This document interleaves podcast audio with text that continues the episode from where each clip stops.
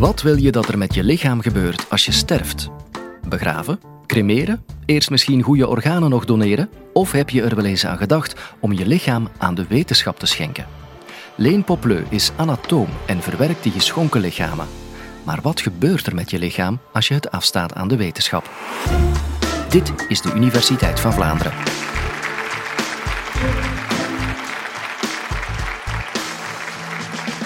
Laat me beginnen met jullie even het verschil uit te leggen tussen een orgaandonatie en een lichaamsdonatie aan de wetenschap. Wie van jullie heeft er al eens een orgaandonatie, zoals voor een hart- of een levertransplantatie, overwogen? Wel, ik ga u zeggen, het antwoord is eigenlijk heel eenvoudig, want in België is iedereen orgaandonor. Sinds 1986 geldt er in België een wet. Wie zwijgt, stemt in. We gaan uit van een veronderstelde toestemming. Dat betekent dat iedere Belg die is ingeschreven in het bevolkingsregister of iedere vreemdeling die minstens zes maanden is ingeschreven in het vreemdelingenregister automatisch orgaandonor is. Je kan u wel bij de gemeente laten optekenen dat je geen orgaandonor wenst te zijn. En je kan anderzijds ook laten optekenen dat je expliciet wel orgaandonor wenst te zijn. Maar in feite is iedere Belg orgaandonor. Waarvoor gaan we die organen dan gebruiken van orgaandonor? Ja, niertransplantatie, harttransplantatie, dat kent iedereen.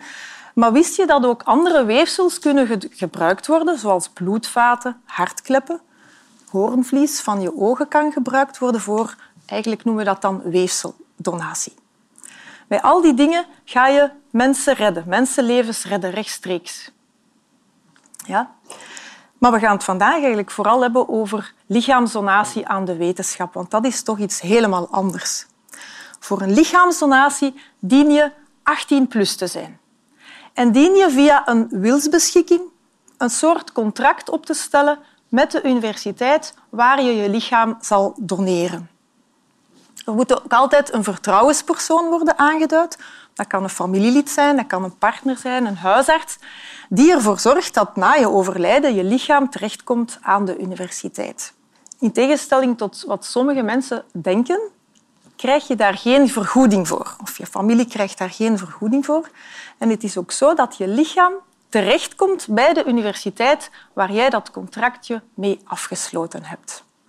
Onrechtstreeks werk je door je lichaamsdonatie ook levensreddend. Want zo'n lichaamsdonoren die worden gebruikt in de opleiding van jonge artsen. Niet alleen in de opleiding van jonge artsen, maar ook in het wetenschappelijk onderzoek en voor het inoefenen van nieuwe chirurgische technieken. Ik ga het vooral gebruiken in het anatomieonderwijs van jonge artsen in opleiding. Je kan geen wiskunde doen voor je kan rekenen. En anderzijds kan je geen geneeskunde doen voor je een goede basiskennis van die anatomie beschikt. Wie van jullie heeft er al eens met zijn elleboog tegen een muur gestoten of tegen een kast gestoten en dan zo'n tinteling ervaren tot in de pink of in de ringvinger? Iedereen steekt hier zijn hand op. Wel, om dat te kunnen verklaren waarom alleen die vingers, daarvoor heb je een kennis nodig van het verloop van de zenuwbanen vanaf die elleboog tot aan die pink. natuurlijk kan je dat opzoeken in dikke anatomieboeken, maar het is nog altijd veel beter van in drie dimensies te kunnen bestuderen hoe die zenuw nu effectief loopt. En je ziet daar een foto uit een anatomieboek van een hart. Daar staan wel veel details op, maar toch begrijp je dat een cardioaal chirurg daar te weinig informatie aan heeft om een hartoperatie te doen. Wat kunnen we dan nog gaan doen? In ons onderwijs kunnen we modellen gaan gebruiken. Dit is hier zo'n model. De verhoudingen zitten daar niet goed van. Kunstmatig gekleurd. En eigenlijk bevat het ook te weinig details voor onze jonge artsen in opleiding. Wat is dan al een stuk beter? Hier zie je eigenlijk een plastinaat van een hart. Ik weet niet of jullie Gunther von Hagens kennen en de Körperwelte tentoonstellingen. Dus die heeft die techniek ontdekt in 1977. Maar gaan we doen? Vertrekken van een echt menselijk hart. Dit is een echt menselijk hart. En we gaan de cellen in dat hart ontwateren. Dus met andere woorden, we halen dat water eruit en we gaan een siliconen kunststof in de plaats van die cellen zetten. Dan laten we die siliconen uitharden en dan krijgen we dit. Hier zijn alle details aanwezig. De verhoudingen zitten ook goed. Het enige nadeel is dat stug en hard geworden, terwijl een hart normaal soepel is. Dus in ons onderwijs anatomie is dit wel degelijk bruikbaar, maar nog altijd is het beter als we echte menselijke harten, de soepelheid daarvan, kunnen bewaren. Ook voor het bestuderen van spieren is dat veel beter. Nu, we lopen dus nog altijd graag in de sporen van Andreas Vesalius. Dat is eigenlijk degene die voor het eerst op een heel systematische manier die menselijke anatomie is gaan beschrijven in 1543 in een zevendelig dik boek De Humanis Corporis Fabrica. Het verschil met Vesalius en wij is dat Vesalius verse kadavers ging gebruiken, terwijl wij onze lichamen tegenwoordig balsemen. Balsemen is een techniek om de lichamen langer te kunnen bewaren. Nu, hoe verloopt zo'n balseming precies? Wanneer iemand overlijdt, dan dient het lichaam binnen de 48 uur naar onze universiteit getransporteerd te worden, want wij gaan de ontbinding van dat lichaam moeten stilleggen, stopzetten. Op het moment dat een lichaam bij ons toekomt, hebben wij eigenlijk geen enkele informatie over dat lichaam. Nog over de identiteit, nog over de medische voorgeschiedenis, nog over de familiale toestand. En dit is nodig omdat wij als medewerkers zo neutraal mogelijk met die lichamen moeten kunnen werken. Die balseming, hoe gebeurt dat? Via een katheter in de lies of in de hals gaan we een balsemvloeistof laten inlopen. Ongeveer 17 liter van een samenstelling van formaldehyde, een alcohol, glycerol en water. Iedere universiteit heeft daar zo'n beetje een eigen recept voor, maar dat is toch meestal de samenstelling die zo wat gebruikt wordt. Wanneer die balsemvloeistof in dat lichaam is ingelopen, dan gaat het lichaam in een koelcel gaan rusten gedurende een drie, viertal maanden. En dat is nodig zodat de balsemvloeistof zich mooi zou verspreiden over alle weefsels en alle organen. En na die drie, vier maanden dan gaan we samen met onze medewerkers gaan bepalen waarvoor we het lichaam in ons onderwijs gaan gebruiken. En we kijken dan naar de toestand van de spieren van het lichaam en we kijken ook naar de aanwezigheid van littekens op de buik of op andere regio's op dat lichaam. En op die manier kunnen we kijken waarvoor het lichaam eventueel iets minder geschikt is. U begrijpt, een groot litteken op de buik, dat kan een indicatie zijn dat de normale anatomie van die buik wat verstoord is en dan kunnen we dat lichaam misschien beter voor een andere regio gebruiken. Sowieso is elk lichaam voor ons uiterst kostbaar materiaal en gaat er nooit een lichaam verloren.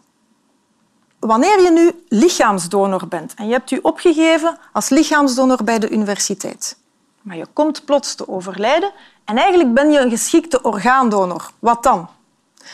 Orgaandonatie primeert altijd boven lichaamsdonatie aan de wetenschap. En dat is logisch, omdat orgaandonatie rechtstreeks levensreddend is. Nadat organen zijn weggehaald, kunnen we het ook aan de universiteit niet meer gebruiken voor ons onderwijs, omdat balsemvloeistof niet meer kan inlopen in dat lichaam. Daar zijn organen uit, dus de balsemvloeistof kan zich niet mooi meer verdelen over het lichaam. Bovendien, het litteken langs waar men organen heeft weggehaald, langs daar zou ook lekkage van die balsemvloeistof optreden, dus dat is niet meer bruikbaar. Net zo ook bij verkeersongevallen, die lichamen kunnen wij ook niet gebruiken voor ons onderwijs. Wie maakt nu van die lichamen preparaten? Van die lichamen worden preparaten gebruikt die we dan in het onderwijs gaan gebruiken. Wie doet dat nu? Wel, dat zijn medewerkers die daartoe speciaal zijn opgeleid. Want je moet dat met heel veel geduld doen, met heel veel respect, met heel veel kennis van de anatomie. Dus bij ons gaat dat door speciale medewerkers gebeuren.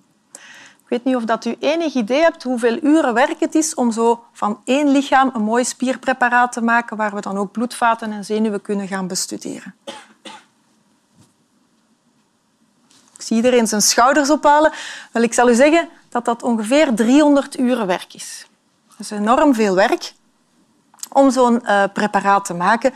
En u begrijpt dat wij daar dan ook uh, veel zorg voor dragen. Hoe komt dat dat zoveel werk is? Omdat we de huid moeten weghalen, het onderhuidsvetweefsel en dan de spieren en bloedvaten losmaken van elkaar. ben begonnen met te zeggen dat dat gebruikt wordt voor de opleiding van jonge artsen. Nu, waarom, waar komen die studenten dan in het verhaal?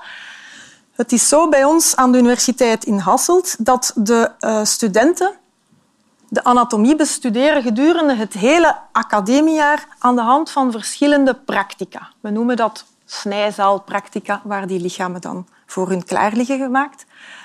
Hoe gebeurt dat? Eerst krijgen ze een inleidend hoorcollege en vervolgens moeten ze een aantal zelfstudieopdrachten over een bepaald onderwerp doorploeteren. Wij doen dat omdat ze dan in de snijzaal komen bij ons met een degelijke voorkennis van de anatomie.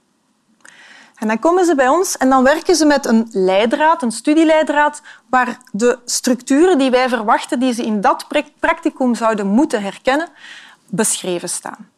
Wij zijn dan als begeleiders aanwezig om op een interactieve manier de kennis van de student nog op een iets hoger niveau te proberen te krijgen. Bijvoorbeeld, bij dit hart zou ik aan de studenten dan vragen welk bloedvat is er nu eigenlijk betrokken wanneer je een infarct krijgt van het linkerdeel van het hart. Dat is dus niet zuiver de anatomie. Studenten die al wat langer bij ons in de opleiding zitten, die mogen ook zelf preparaten maken als zij dat zelf willen, onder begeleiding uiteraard. En het spreekt voor zich dat alle studenten onderhevig zijn aan een strikte ethische gedragscode. Er mogen uiteraard nooit foto's gemaakt worden bij ons.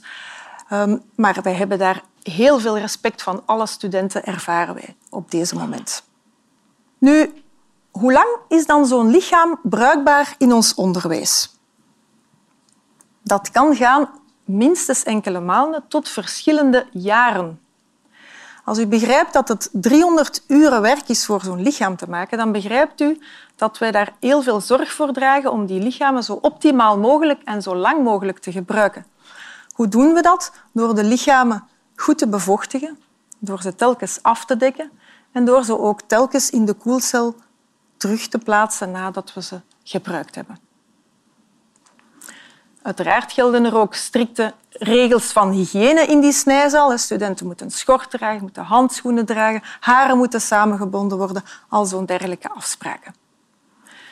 Na een zekere tijd, na een aantal jaren, zijn die lichamen toch niet meer bruikbaar. En wat gebeurt er dan met dat lichaam? Wel, u begrijpt, wanneer we met die balseming van dat lichaam het ontbindingsproces een halt hebben toegeroepen, stopgezet, dan kunnen we dat lichaam ook niet op de klassieke manier gaan begraven, want dan zou ook daar het ontbindingsproces sterk vertraagd gebeuren. En vandaar worden al onze lichamen gecremeerd. En die kosten worden door onze universiteit gedragen. Dus een crematie bij elke lichaamsdonatie. Ik hoop dat ik jullie heb kunnen aantonen dat wij proberen goede zorg te dragen voor al onze lichaamsdonoren van begin tot het einde. Wij vinden het zelf een heel nobele daad van de lichaamsdonoren om zelfs na de dood nog iets te kunnen en willen betekenen voor de maatschappij. En ik hoop dan ook dat ik misschien enkele onder jullie geïnspireerd heb om ooit zelf lichaamsdonor te worden. Ik kan alleen maar zeggen dat onze studenten en onrechtstreeks ook nog vele patiënten u er later dankbaar voor zullen zijn. Je bent geïnteresseerd in wetenschap en in podcasts? Wel, dan hebben we goed nieuws. Wist je namelijk dat wij een tweede podcastkanaal hebben? Dat heet Lableven en dat kan je met een simpele klik terugvinden in deze podcast-app. Wil je helemaal niks missen? Abonneer je dan zeker ook op dat kanaal. En wil je ook andere mensen overtuigen om naar deze podcast te luisteren? Laat dan een review achter, zodat iedereen ons makkelijk terugvindt.